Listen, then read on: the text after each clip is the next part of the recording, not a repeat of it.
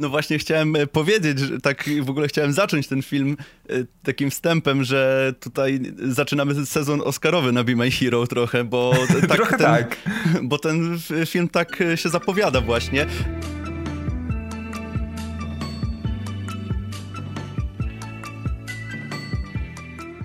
Cześć Rafale, witam cię bardzo serdecznie. Cześć, witaj. Dzisiaj porozmawiamy sobie o najnowszym filmie Finchera, czyli o filmie Mank, bardzo specyficznym filmie, który pojawił się w ostatni piątek na Netflixie.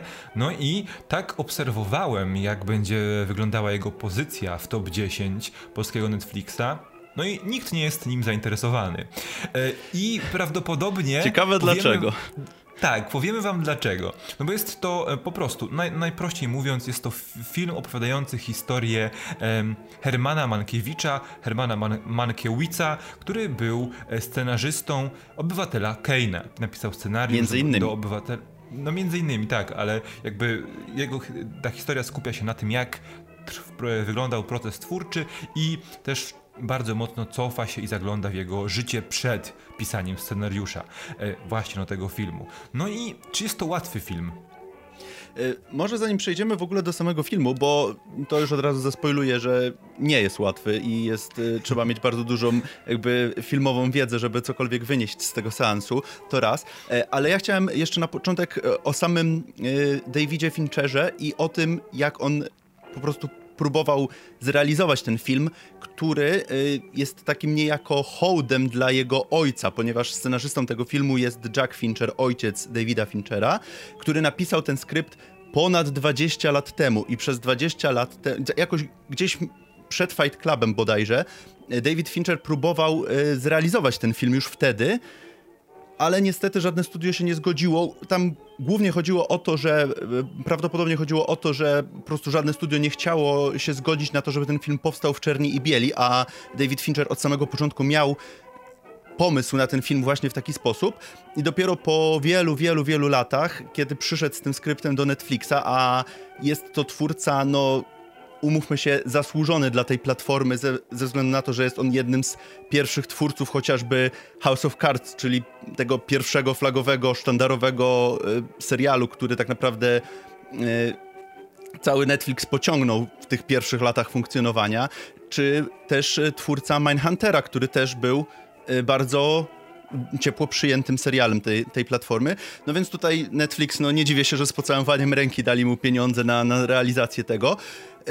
I to bardzo widać też w tym filmie. Ja już jakby y, odchodząc od tego, że tam jest bardzo dużo tych nawiązań filmowych i tych paraleli z obywatelem Kane'em, y, ale jest to bardzo osobisty film Davida Finchera, y, nietypowy dla tego twórcy. Nie kojarzę w jego, w jego filmografii podobnego filmu, właśnie tak osobistego, tak cichego, tak nie. Mm, takiego spokojnego, o, może w ten sposób, y, który jednocześnie jest właśnie taki y, nie jest za bardzo angażujący właśnie. Jeżeli nie, nie ma się tej jakiejś wiedzy na temat tego, co na temat złotej ery Hollywood, czy tego, co się działo w tamtych czasach, o tym, jak powstawał cały ten motyw, żeby to filmy by, były nacechowane politycznie, powiedzmy to, no to, to, to, faktycznie, to się nie za wiele z tego wyniesie, ale właśnie tak jak mówię, to jest... Wydaje mi się, że to jest celowe, to co David Fincher tu zrobił. I ten film miał powstać właśnie w takiej formie, w jakiej powstał, że tutaj on nie chciał iść na żadne kompromisy.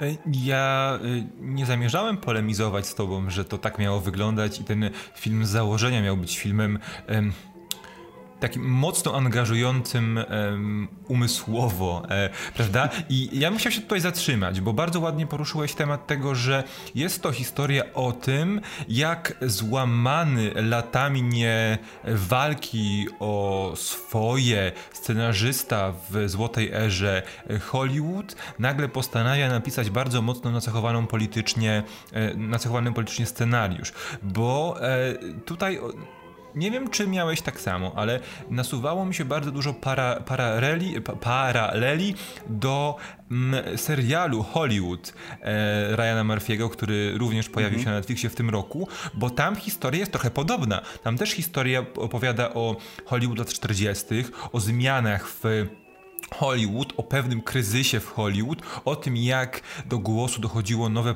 pokolenie, które nie chciało tworzyć tylko gładkich, jednowymiarowych filmów z papierowymi postaciami, tylko chciało mówić coś więcej. E, I bardzo, e, wydaje mi się, że to jest jakby bardzo podobny temat. Tylko tamten film był jednak skupiony, jak to u Murphy'ego bywa, na kontrowersjach, na kolorach, na e, wielu tematach społecznych, o których będzie można mówić. Tutaj natomiast całość ma raczej bardziej osobisty wydźwięk, bo jakby z obywatelem Kane'em kojarzony jest Orson Welles, a tak naprawdę Orson Welles w tym filmie jest tylko postacią drugoplanową, która pojawia się tak naprawdę dopiero w finale. I właśnie o to chodzi, jakby tutaj jest ten, to jest bardzo e, introspektywny film opowiadający raczej o Mankiewicu jako Mankiewicu jako o tym gościu, który jest no już bliżej końca swojego życia niż początku, mierzy się ze wszystkim tym, co w jego życiu się wydarzyło, mierzy się z tym,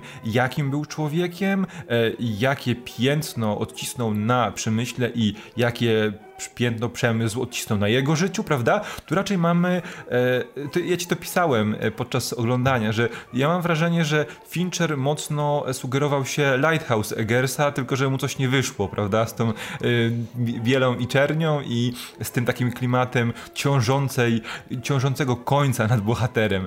E, I ja nie wiem, czy, bo zastanawiam się, e, czy, ty masz jakieś informacje na temat tego, ile ten film kosztował? Bo być może to był na tyle tani film, że faktycznie Netflix stwierdził, że skoro to jest taki pomysł, który gdzieś tam, e, którym uhonorować Fincher chce swojego ojca, to mhm. dadzą mu te pieniądze, nawet jeśli nie przyniesie on wielkiego zysku, bo raz można się nim pochwalić na festiwalach, dwa yy, oddamy przysługę, którym jedną z przy, przysługę zrewanżujemy się yy, patrząc na to, ile Fincher zrobił dla streamingu. Czy ty wiesz, ile ten film kosztował? Yy, sprawdzam właśnie na Wikipedii, budżet jest orientacyjny między 20 a 30 milionów. No, czyli to jest taki czyli taniutki. Film, czyli na który spokojnie może sobie Netflix pozwolić i on niekoniecznie musi e, przynieść e, jakby komercyjny sukces, a wiemy dobrze, że pewnie będzie mówiło się o nim w tej części festiwalowej roku. Na, na pewno, no właśnie, na bank. No no właśnie chciałem e, powiedzieć, że tak w ogóle chciałem zacząć ten film e, takim wstępem, że tutaj zaczynamy sezon Oscarowy na Be My Hero trochę, bo tak, trochę ten, tak. bo ten film tak e, się zapowiada właśnie, szczególnie jeżeli chodzi o kreacje aktorskie, bo już sam Gary Oldman tutaj wypada bardzo ciekawie, jako, jako właśnie Mankiewicz, gdzie jakby jakby to spłycić, to można powiedzieć, że to jest kolejny uzależniony od alkoholu bohater, który się musi mierzyć ze swoją przeszłością i na papierze brzmi to tak bardzo, y, bardzo oklepanie, ale ze względu na to, jak mm, ta postać jest zarysowana i też jej y, relacje z tymi bohaterami drugoplanowymi y, oraz to, jak on i tutaj też jest to te fajne właśnie mm, jakby paralele łączności z obywatelem Kane'em, chociażby w sposobie narracji y, jest tutaj to, to, to nawiązanie, czy stylistyczne. Y, no i sam fakt, jak Gary Oldman to odgrywa, bo ma kilka fajnych scen, kilka fajnych monologów, gdzie faktycznie może się popisać tutaj aktor swoją Y, swoją grą i tym, tym, tym, jak wypada, bo no nie wiem, nie wiem, czy masz takie odczucie, ale moim zdaniem, y, gdyby tutaj dano kogoś choć minimalnie mniej jakby angażującego niż Gary Oldman, no to mm, mogłoby być, mogło, mogłoby być y, niefajnie z tą rolą. Chodzi mi o to, że po prostu bardzo dużo aktor wnosi do tej roli. Tak, ja mam wrażenie, że Gary Oldman w tym e, filmie ma dwa biegi. Jest albo tym już takim starczym e, trochę etapie swojego życia, kiedy robi wszystko mhm. powolnie, kiedy cały czas wybrzydza, kiedy ma swoje rytuały, do który, z którymi podczas pisa pisania się mierzy, jest zmęczony, jest taki trochę roz, rozmymłany tym przemysłem i robi wszystko wolno oraz drugi ten drugi bieg, który widzimy w retrospekcjach, który, gdzie poznajemy e, taki szy, szybki, ciągle myślący, robiący wszystko, aby się być cały czas pozostawać pobudzonym, bo i alkohol, i hazard, prawda, i tak dalej, i tak dalej. Mhm. I widzimy też y, jakby w tych retrospekcjach, jak doprowadziło to do miejsca, w którym się teraz znalazł. I faktycznie, gdyby nie Oldman, to tylko, że wiesz, gdyby nie Oldman, gdyby nie Oldman, to może, by się, to może znalazłby się inny aktor tego typu, e, aktor, który bardzo mocno wchodzi w rolę i moglibyśmy sobie tak gdybać, czy na pewno to jest, mm, wiesz, czy to na pewno aktor sprawia, że ten film jest taki, jaki jest, ta kreacja jest nie, taka, nie, nie, jest. Nie, nie, nie, nie. Nie, nie, nie, nie, ja tutaj nie chciałem tego powiedzieć, mm, tylko że jakby Gary Oldman fajnie się tutaj odnalazł w tej relacji z Davidem Fincherem, bo dochodziło nas mnóstwo jakby zakulisowych y, historyjek z planu, gdzie y, David Fincher był wręcz pedantyczny, jeżeli chodzi o ten film i kilkadziesiąt na przykład dubli do jednej sceny potrafił robić. E, i też były doniesienia, gdzie nierzadko był, były spięcia na przykład na linii właśnie David Fincher, Gary Oldman, gdzie e, Gary już nie wiedział po prostu jak ma odgrywać, kiedy tam 50 raz mu reżyser każe odgrywać tą samą scenę, już nie wiedział jak więcej ma ze sobą, e, że więcej ma ze siebie wykrzesać, no i wtedy wydaje mi się, że tutaj jakby też doświadczenie aktora dużo zrobiło, y, jeżeli, jeżeli chodzi o to. Y, dzięki temu powstała taka barwna kreacja, chciałem powiedzieć, ale to... I przejdźmy sobie teraz do tego braku e, barwności, braku koloru w tym filmie, bo to jest też coś bardzo ciekawego, bo to nie jest Zack Snyder, który wziął kolorowy film i po prostu e, usunął Od, kolory. Uszarzył go. Tylko to jest film, który w zamyśle miał być filmem czarno-białym i to wyraźnie widać. Bo czy to po tym, jak wygląda dobór kostiumów, które bardzo musi być, kolory bardzo kontrastują ze sobą, y, specjalnie po to, żeby były wyraziste na taśmie czarno-białej, czy to jak kamery mm, symulują e, te obrazy zużytego filmu, starego filmu, e, czy też to jak w pewnych momentach, w pewnych ujęciach postacie e, celowo są jakby to jest jakaś na pewno technika, to są, to są techniczne rzeczy, o których no nie, nie mam pojęcia, gdzie e, postacie, ich e, plecy są mocno oderwane od przestrzeni, takim, takim pasem rozma, rozmazanego konturu. To było coś mhm. fa fajnego, co właśnie pod, podkręcało to, że mimo, że tu jest tylko czerny, bie, czerni, biel i szarości, to mamy bardzo mocno, em, bardzo mocną głębię i zdecydowanie widzimy, co gdzie jest, co na pierwszym planie, co bliżej, co dalej. I tutaj oczywiście wszyscy ci, którzy byli odpowiedzialni za tworzenie tego, tej strony wizualnej e, tego filmu, zasługują na wielkie pochwały, bo nawet jeśli mamy noc prawda? I teoretycznie to powinno, być wszystko czarne i tyle. No nie, to wszystko wygląda genialnie. Wszystkie cienie, wszystkie właśnie do, to, jak światło pada na, na twarze, na bohaterów, to jak kostiumy są. Y, są dodatkowym aktorem i fragme, fragmentem mhm. tej przestrzeni. To jest wszystko piękne. To jest, widzisz, to jest y, jakby zaleta tego, że film miał być czarno-biały już w zamyśle.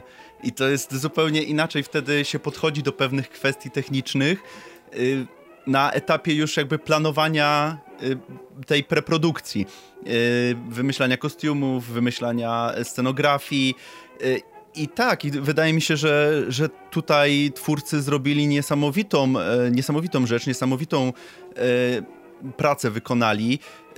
Też te lokacje, które nawiązują swoją, swoim swoim wyglądem do tych lat, czy nie, nie, nierzadko te jakby lokacje, na przykład ten dom, w którym e, w który się dzieje tak jakby w tej teraźniejszości, gdzie jest ten, ten stary Malkowicz, to jest ten dom, w którym prawdziwy Malkowicz pisał Obywatela Keina, więc jakby te, tych, e, te plenery, tych, te, sceno, te scenerie są e, jakby też nawiązują do tamtej no do tamtej ery, do tamtej mhm. ery Hollywood.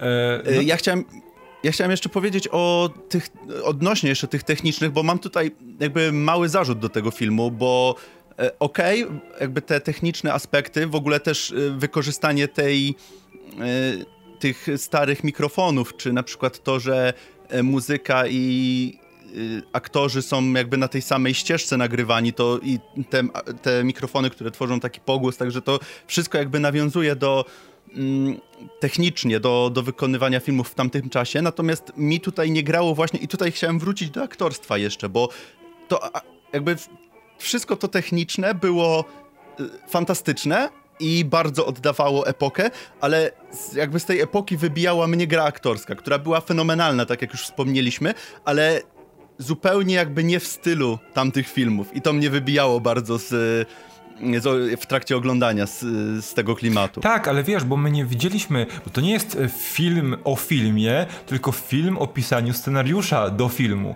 więc jakby e, tutaj nie widzieliśmy tak naprawdę, bo to jest wa ważne, bo my nie widzimy tutaj kręcenia obywatela Keina, nie, nie, nie. My widzimy etap pisania scenariusza Proces. i kończenia i później jest szybki przeskok w epilogu do tego, jak e, para Mankiewicz i Wells dostają Oscar Oscara. I to wszystko, prawda? Więc my tutaj, ym, ja nie wiem, czy to jest zarzut, bo jasne, Złota Era Kina to też jest specyficzne aktorstwo, pierwsze filmy z dźwiękiem i tak dalej, i tak dalej, ale jednocześnie, pierwsze lata filmów z dźwiękiem, ale jednocześnie y, to aktorstwo jest współczesne, y, wszystkie techniki, które wykorzystują aktorzy są współczesne, bo my widzimy kulisy, czyli widzimy teoretycznie tych prawdziwych ludzi, którzy przygotowują się do tworzenia filmu. I tutaj y, jeszcze taka mała mhm. uwaga, bo my mamy w tym filmie postacie historyczne, nie tylko Mankiewicz, nie tylko Wells, ale mamy i e, Herbsta i postać graną przez Amandę e, Seyfried, czyli Marion, Marion Davis. Davis. E, to są wszystko faktyczne postacie historyczne, związane mhm. z, z, z mm, studia, studiami filmowymi, z grą aktorską itd., tak itd. Tak e, I co w ogóle powiesz, bo bo mi na przykład bardzo zaimponowała e, e, rola Amandy Seyfried, bo to naprawdę była mhm. ciekawa postać. E, I jeszcze jej relacja w ogóle z Mankiewiczem też była czymś niezwykłym, no bo Mankiewicz ma żonę, biedną Sarę, jak, jak była przez cały film nazywana, tak nazywana, ale jednocześnie wdaje się w platoniczne romanse i to jest coś bardzo ciekawego, Ciekawe. prawda? Tak, zdecydowanie te relacje y, z kobietami głównie Mankiewicza są e, bardzo fajnie zarysowane. E, trochę mam jakby uwag do, do tej męskiej, czy, znaczy jakby nikt nie zapadł mi tam w pamięć. Oczywiście był ten e, Charles Dance, który, który grał tutaj mm, tego Hersta, który jest jakby pierwowzorem y, Kane'a z filmu Obywatel Kane, ale jakby on tam grał Tywina z gry o Tron i jakby mam wrażenie, że on jakby po tej roli w Grze o Tron gra w, w cały czas już tylko tą jedną rolę i jakby to mi trochę nie pasuje. Natomiast z męskich postaci nikt tam się za bardzo nie wybijał. No oczywiście poza jakby Garem Oldmanem w głównej roli. E, natomiast jeżeli chodzi o te postacie kobiece, to tak. I, i Amanda Seyfried i Lily Collins wypadły moim zdaniem bardzo, bardzo fajnie, aczkolwiek Lily Collins nie miała tam za dużo do pogrania w tej tej, w tej swojej roli. Wiesz, kogo grała w tym filmie Lily Collins? Lily Collins grała w tym filmie Lily James. bo, grała, bo to była Lily Collins plus brytyjski akcent. Trochę tak było. E, Rafale, no to do podsumowania, bo powiedzieliśmy już chyba wszystko. Czy mhm. jest to film, do którego można przysiąść wieczorem, nie mając pojęcia o kinie i chcąc po prostu zaczerpnąć e, rozrywki i świetnego aktorstwa? Y, no, powiedzieliśmy już to na samym początku, zdecydowanie, zdecydowanie będzie to bardzo trudne. To nie jest tak, że nie można go obejrzeć, no bo wiadomo, no, film jest, mm, nie jest to lekkie kino, nie jest to y, kino, które się ogląda, nie jest to kino, które się ogląda od tak sobie y, i na pewno bardzo dużo osób ten film może zmęczyć właśnie, jeżeli nie znają tych wszystkich nawiązań, nie wiedzą kto jest kim, nie rozumieją jak wtedy funkcjonowało Hollywood, jak e, funkcjonowali ludzie e, w Hollywood w tamtych czasach.